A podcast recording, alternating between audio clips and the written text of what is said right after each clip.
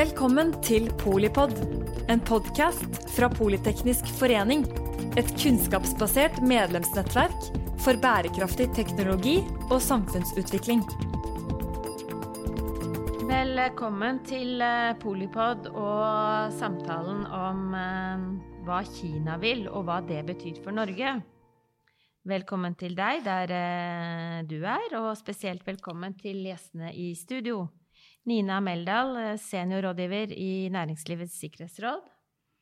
Arne Oholm, ansvarlig redaktør i High North News, tilknyttet uh, Utsyn. Arne, hva skjer?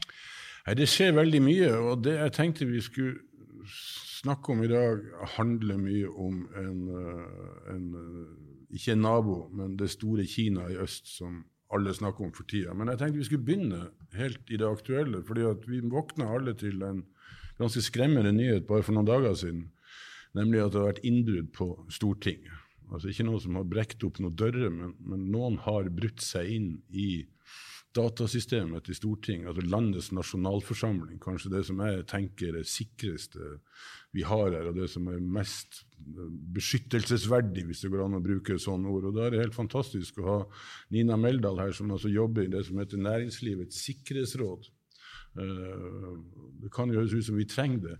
Eh, Nina, eh, hva tenker du når du hører at noen har vært inne i Stortingets datasystem? Jeg tenker jo egentlig dessverre at det ikke er så veldig overraskende.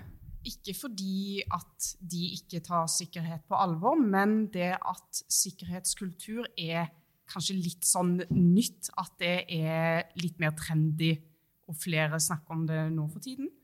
Og fordi Stortinget er en politisk institusjon hvor selvfølgelig veldig mye makt i Norge er konsentrert, så er jo de et eh, ganske åpenbart etterretningsmål, annet som jo eh, trusselvurderinger fra PST og Etterretningstjenesten har pekt på egentlig i mange år. Så de har jo veldig mye av verdi for forskjellige aktører, egentlig. Om det er statlige aktører som ønsker å finne personinformasjon, eller som ønsker å finne ut hva som står på dagsordenen i den norske politikken. Eh, nesten til også eh, interne splittelser. Eh, hva er skillelinjene internt i et parti? eller på Stortinget. Så det er veldig mye man kan finne ut av med å liksom hacke seg inn eller grave seg inn uh, i den type arena.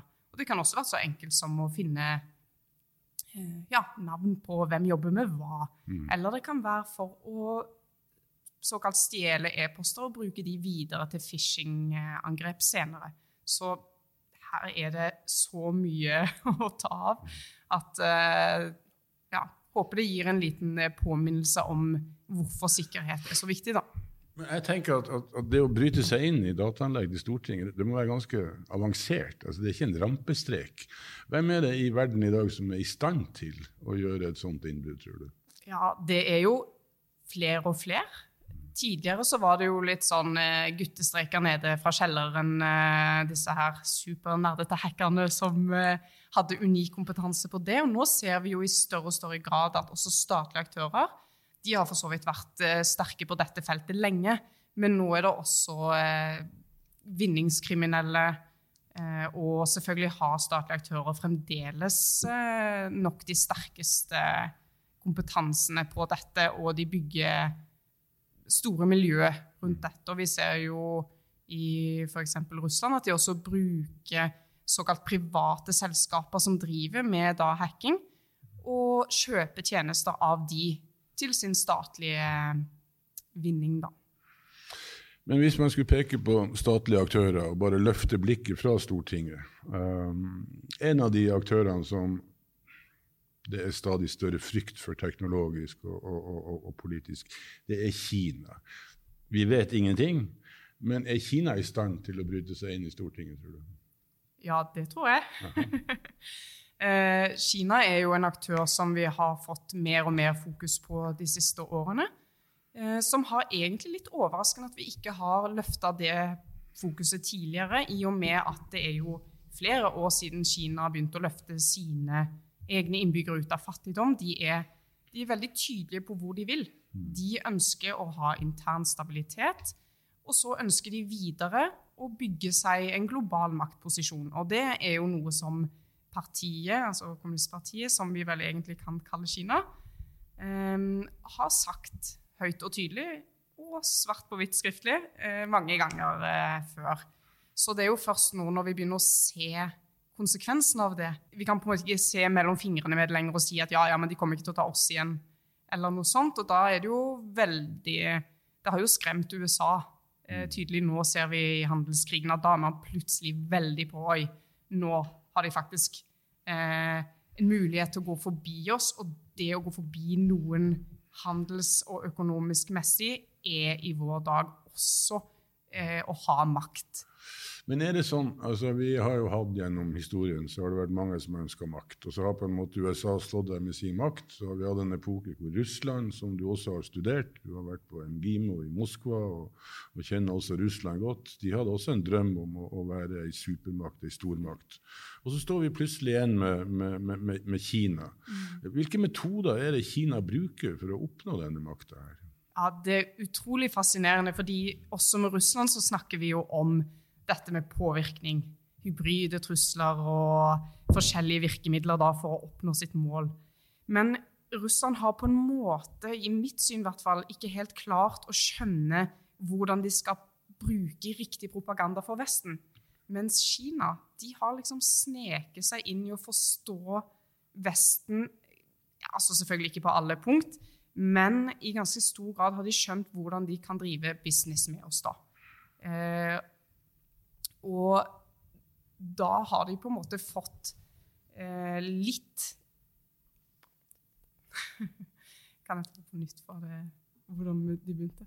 Eh, for Kina har en veldig, veldig smooth evne til å på en måte få med seg de landene de jobber med. De, de er jo store, veldig mektige, så de legger jo press på eh, små stater som ikke gjør akkurat sånn som de vil. Og det fikk jo vi merke eh, etter fredsprisen i 2010. Da vi ble satt i en slags fryseboks. Ja. Yes. Mm. Og når vi på en måte endelig kom ut av den, så vil jeg jo egentlig si at vi har vært ganske så føyelige etter samarbeidet med Kina. Mm. Og det vises jo spesielt godt i eh, arbeidet med frihandelsavtalen, eh, som eh, man jobber aktivt med nå. Vi kan komme litt tilbake til ja. den til frihandelsavtalen. Men eh, siden du jobber med, med næringslivet og, og, gir dem råd altså Vi skal bare tilbake til oktober 2018, hvis jeg husker rett. Så, så, så, så dro jeg holdt på å si, ditt næringsliv, uh, eh, 300-400 representanter for norsk næringsliv, med kongen i spissen, med statsministeren, reiste ens ærend til Kina for å få i gang handel. Mm. Og så går det halvannet år så er holdninga helt annen. Nå advares det mot handel med Kina. Hva, hva er det som har skjedd i løpet av halvannet år? Ja, jeg tror mye er nok dette at USA har våkna, og at de nå pga. sin eh, At deres maktposisjon er såkalt trua, så vil jo de også rope høyere, og de ønsker selvfølgelig å ha med seg sine allierte, sånn at de kan beholde sin posisjon. Eh, så da blir det nok mer allment akseptert, og myndighetene er mer eh, med på den eh, holdningen mot Kina. Da. Mm. Og så har vi jo hatt eh, litt sånn dette her med Huawei-saken og 5G. Plutselig er det noen nye temaer der noen som kan mye om det tekniske og IT, begynner å peke på at ja, men er, er dette trygge nett? Hva om Kina, som man snakket om her i Huawei-saken? Hva om de kan faktisk bare hente ut informasjon fra det nettet. Og for oss så er jo, altså oss i Norge, så vil jo 5G om noen få år bare være en helt ny og kritisk infrastruktur for oss. Så da har man jo fått aktualisert og tydeliggjort en potensiell trussel. Eh, som jo det er enklere å rope ut om, da. Fordi eh, trusler er vanskelig å formidle, for det føles ofte fjernt og langt unna, og det blir litt sånn abstrakt med Kina om 20 år. Men, men det, det, høres nesten ut som altså, Eller prøv å skille her. For er det den teknologiske kunnskapen om at et telenett uh, skulle kunne brukes til overvåkning, til påvirkning, til kunnskapsinnhenting, den må vi jo ha hatt også da kineserne bygde ut 4G-nettet. er det først og fremst en politisk uh, våkning som har funnet sted, mer enn en teknologisk uh, Ja. oppvåkning? Det tror jeg. Men jeg tror det også henger sammen med tilgangen til den kunnskapen. Fordi teknisk kunnskap er jo forbeholdt de tekniske i veldig stor grad. Eh, så når de ikke får formidla, om det så er på en måte på forskningsnivå, eller om det er fordi man sitter i en veldig trenger ikke å være lukka engang, men man sitter på en måte og jobber med noe teknisk, så har man ikke automatiske talerør inn til det politiske nivå, eh, eller da myndighetene. Og det gjør jo òg at man ikke egentlig får eh, vite om den trusselen. Og jeg tror at én ting var 4G, men så, når det ligger og murrer litt om Kina i bakhånd, og så kommer 5G eh, Sikkerhetstjeneste snakker om eh, at Kina er en av de største truslene mot Norge og norske verdier. Da blir den 5G-saken og Huawei, som har posisjonert seg i Norge Man snakker om det i England, USA, Tyskland. Da blir det plutselig litt tettere opp imot oss. Og da er det òg flere fra både privat næringsliv og myndighetene som begynner å spørre seg Oi, hva skjer? Hvem skjer? Og hvem kan teknisk svare på dette? Hva, hva eh, Ja, man spør også i det private næringslivet, Men, men eh, siden du jobber i næringslivets sikkerhetsråd, hva, hva, hvem er det næringslivet skal spørre om råd her? Ja, veldig godt spørsmål. Fordi jeg mener jo at det ikke kan være alene næringslivet sitt ansvar å velge om det er trygt å jobbe med Kina, om det er trygt å ha en underleverandør fra Kina, eller å på en måte Hvordan skal man sjekke om eh, utstyr, teknisk utstyr man importerer, har noe malware eller noe ja, skadevarer da, i seg som kan gjøre at man henter ut informasjon senere? det, da må jo alle små og mellomstore og store norske virksomheter ha kapasitet til å drive på sånn selv, og det kommer vi jo aldri til å ha.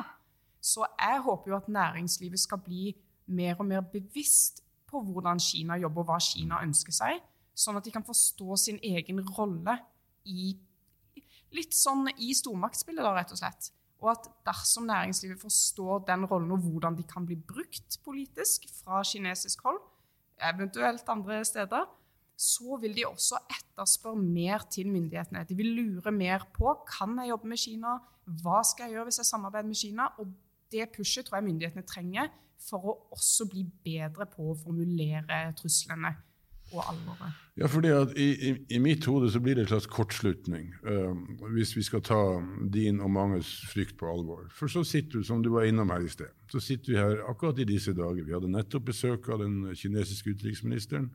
Uh, dette handler om frihandelsavtalen. Norge er tilsynelatende veldig opptatt av å få i land en frihandelsavtale med Kina. Selv om det er marginal handel vi driver på med, så drømmer vi vel om den store handelen. Men så kommer alle disse advarslene. Skal, hvis, jeg hadde, hvis jeg hadde vært næringslivsleder, jeg hadde blitt totalforvirra. Vi ønsker en frihandelsavtale, men vi skal ikke handle med Kina av sikkerhetsmessige hensyn. Hvordan henger dette på greip, tror du? Ja, jeg syns jo ikke helt at det henger på greip. Eh, Men jeg tenker at det må være veldig utfordrende å være i næringslivet som næringslivsaktør og være stilt ovenfor så mange muligheter med Kina. Men man må jo også ta den delen av ansvaret man kan ta selv, er jo å stille seg spørsmål om altså F.eks. for, en tid tilbake så rant det jo inn med delegasjonsbesøk.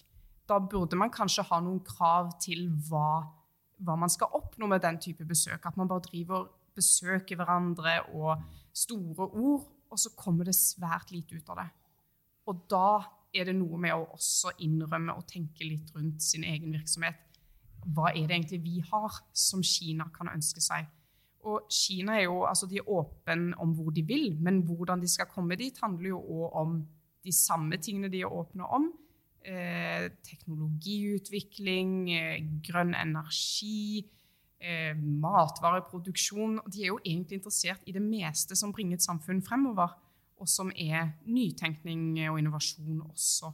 Så når de vil samarbeide om akkurat det som er eh, våre verdier, da, norske verdier og våre grunnpilarer for å på en måte ha velferdssystemet vårt og for å være en selvstendig stat, da, til syvende og sist, så bør man jo ikke gi det gratis bort heller, eller selge det for en billig penge fordi det er, høres eh, spennende ut å jobbe med Kina akkurat i dag. Men hvis jeg skulle Jeg, jeg snakka forleden dag med en bilforhandler.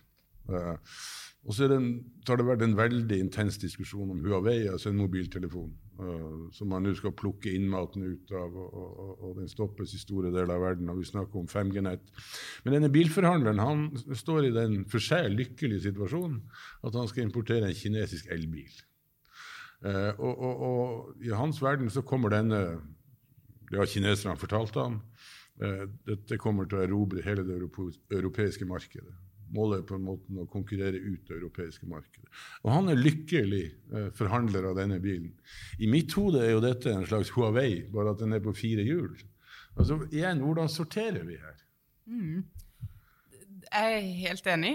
Um, og jeg tror at man burde reise spørsmål til igjen myndighetene og utfordre dem på å tenke 5, 10, 20, 30 år frem i tid, sånn som Kina i stor grad, i hvert fall politisk, evner å gjøre. Og så må man stille seg spørsmålet hvilket samfunn ønsker vi å ha? Hva slags verdier er viktig for oss å beholde, eller hvilke verdier kan vi endre? Og hvis man da tenker med eksempler på hva vei 4G, 5G det så være, så vil det jo være et spørsmål som går Vil Norge om 20 år at en stat som eh, sikkerhetstjenestene peker på som en av de største truslene mot landet, akseptere at de har en mulighet til å være inne i vår kritiske infrastruktur. Svaret sier seg jo selv. Men jeg, uten at jeg har vært inne i de politiske gangene og fått stille disse spørsmålene, så ser jeg jo ikke for meg at man har tenkt det så i klartekst. Da tror jeg man hadde hatt eh, sterkere og mer uttalt behov for å backe næringslivet med at de òg må være en del av hvordan vi forholder oss til Kina.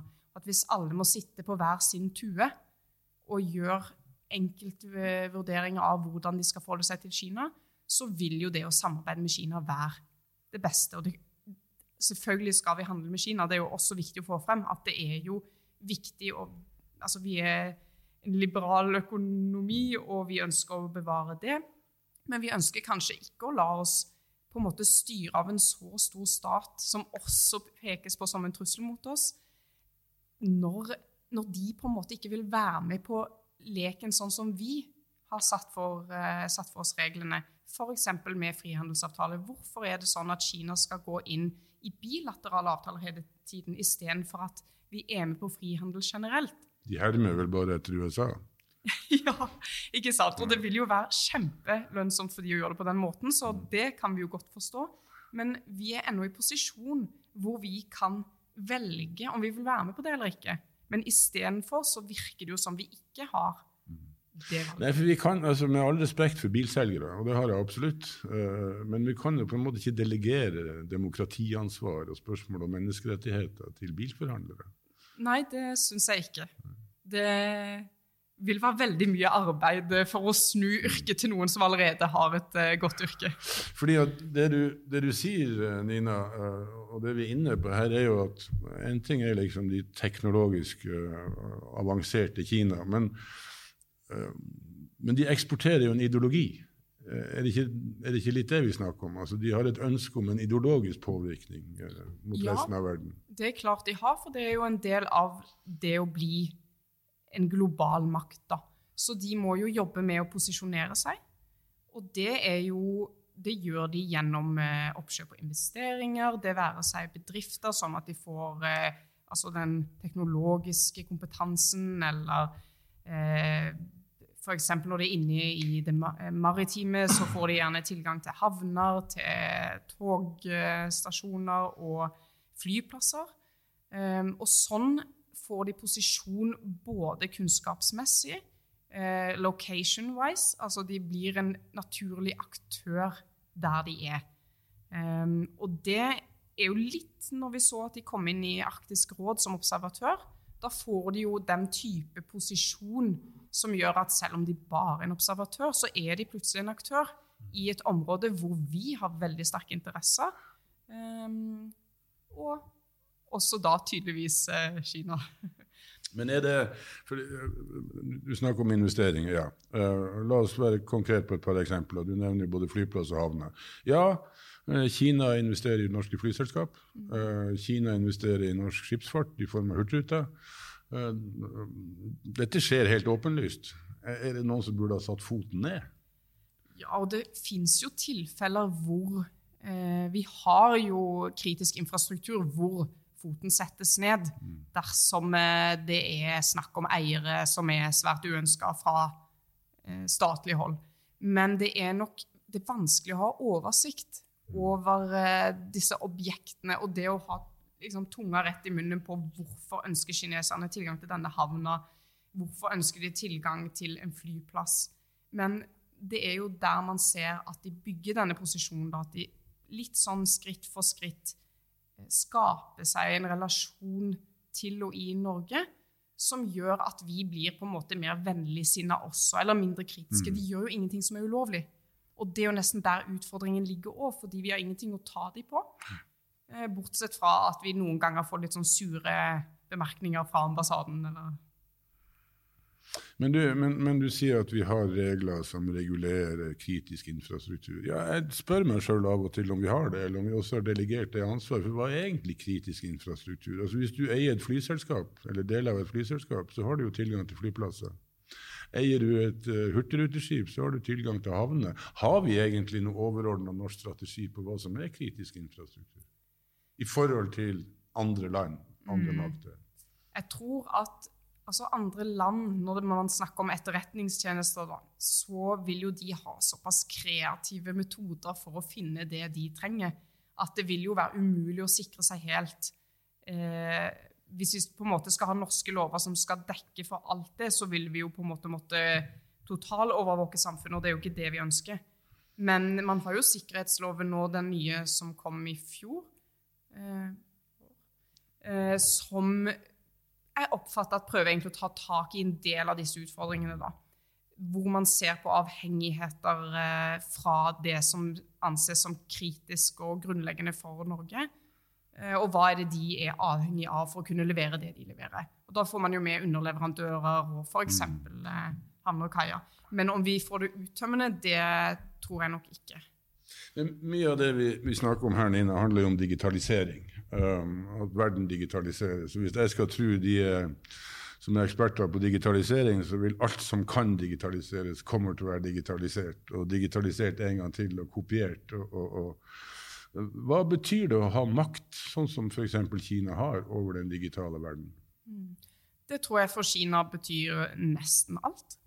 Jeg tror det er en del av det leddet der jeg snakker om posisjonering, da. At det digitale er også Eh, det som kan gi kunnskap om det norske samfunn, om eh, norske borgere, om norske mål, utvikling, innovasjon og alt som er viktig for oss. Og jeg tror jo at Kina har vært smarte og forut oss andre i å begynne å samle på data. Bygge seg algoritmer og bli på en måte best på å oversette data til såkalt kunstig intelligens da, og få resultat ut av det. Eh, og det er jo skremmende hvis vi tenker på mange år frem i tid. Vi kommer til å være avhengig av de digitale tjenestene.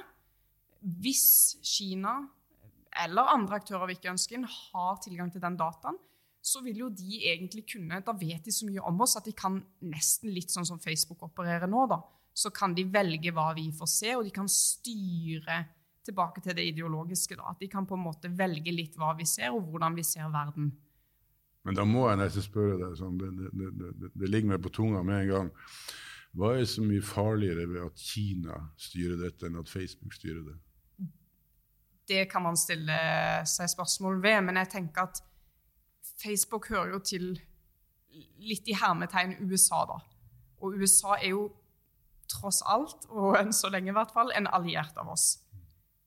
Kina er jo en stat som i flere år har blitt pekt på som en trussel, og jeg syns at det ligger en ganske stor forskjell i intensjon. Hvis Kina skal bruke informasjon om Norge for å bli en verdensmakt, det er det ikke sikkert at vi ønsker oss. USA er en verdensmakt, og det kan man jo stille spørsmålstegn med, men vi samarbeider med USA, og vi er, har en god relasjon der som vi ikke på en måte snakker om å bryte opp med det første.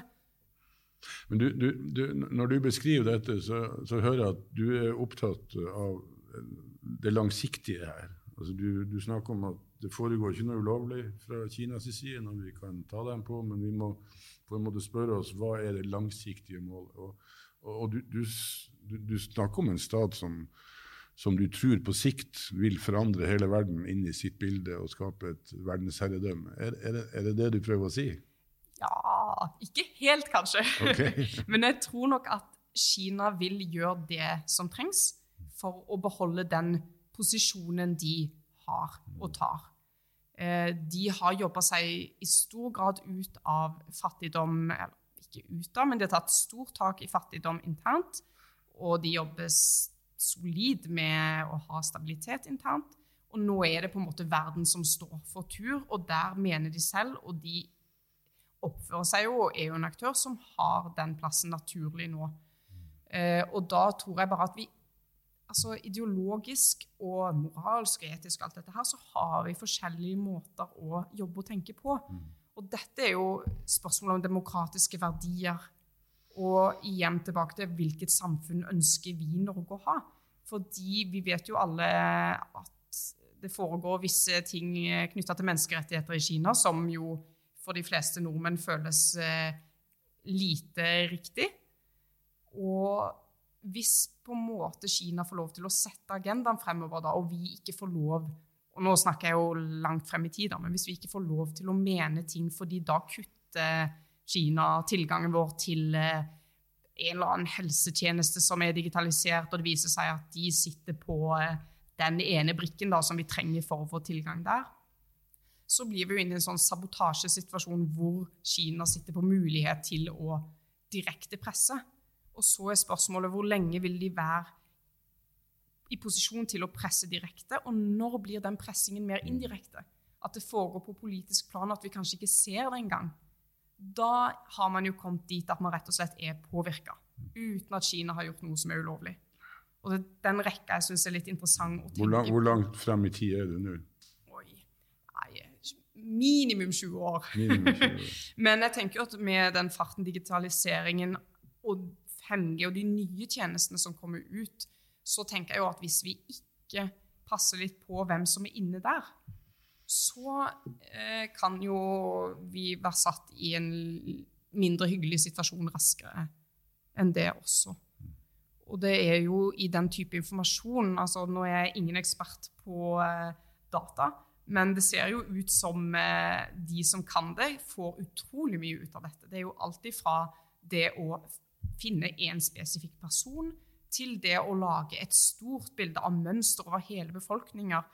Og ikke sant, dette her, Samme som Facebook, har du tre forskjellige likes, så kan du liksom bestemme hvilken personlighet mm. det er snakk om her. Men du, Vi begynte å snakke om innbruddet på Stortinget. Uh, la oss vende litt tilbake til det helt avslutningsvis. Altså I USA avslører man jo russisk påvirkning på valget. Uh, eh, Bl.a. fordi at disse sosiale gigantene hører hjemme i USA. Altså, de er jo amerikanske selskap i utgangspunktet. Så får vi et innbrudd på Stortinget. Er du sikker på at vi i Norge vil avdekke et kinesisk eller russisk eh, inngrepen i det norske valget hvis det foregikk? Har vi kompetanse til det? Nei, det tror jeg ikke noen skal være sikker på dette er jo, når det ble avdekka i USA også, så har jo det vært veldig altså Også nok litt fordi det er hemmelige tjenester som snakker om dette, men det handler jo i stor grad om at USA, i hvert fall sett utenfra, sier eh, Russland har drevet påvirkning. Så sier Russland nei. Så sier USA jo. Og sånn går det litt når det er i det digitale. Det er vanskelig å attribuere hvem som har gjort noe, hvor det kommer fra man skjuler sporene sine. Så det å avdekke den type påvirkning er ekstremt utfordrende, og spesielt nå når man tenker på hybride trusler, hvor kanskje du påvirker hvis du en del av påvirkningen handler om å finne en e-postadresse som gjør at du må hacke deg inn på noe. En annen del av den påvirkningen handler om å ha nok eh, leserbrev ute i aviser og på Facebook. og så er det så mange deler at du vil kanskje ikke merke at det er en kampanje. Du glemte for så vidt en i rekken av de som benekter inngrepene i det amerikanske valget. og Det er den amerikanske presidenten Donald Trump, som tror mer på russerne enn sin egen etterretningstjeneste. Det sier litt om hvor vanskelig dette kan være. Tusen takk, Nina Meldal. Tusen takk eh, for ganske klare meldinger eh, om vår eh, samfunnssikkerhet, om verdiene våre og, og hvor verden går i lys av Kinas eh, ambisjoner, og hva det betyr for eh, norsk næringsliv og politikk. Takk, eh, Nina Meldal, seniorrådgiver, Næringslivets sikkerhetsråd. Takk, Arne Oholm, ansvarlig redaktør i High North News og i styret til Utsyn. Og tusen takk til deg som hørte på Polipod der du var akkurat nå. Enten det var i Norge eller eh, Kina eller eh, et annet sted hvor eh, ting skjer raskt. Takk for at du lyttet til Polipod fra Politeknisk forening. Få med deg flere episoder, eller bli med på nettverksmøtene som du finner på at polyteknisk.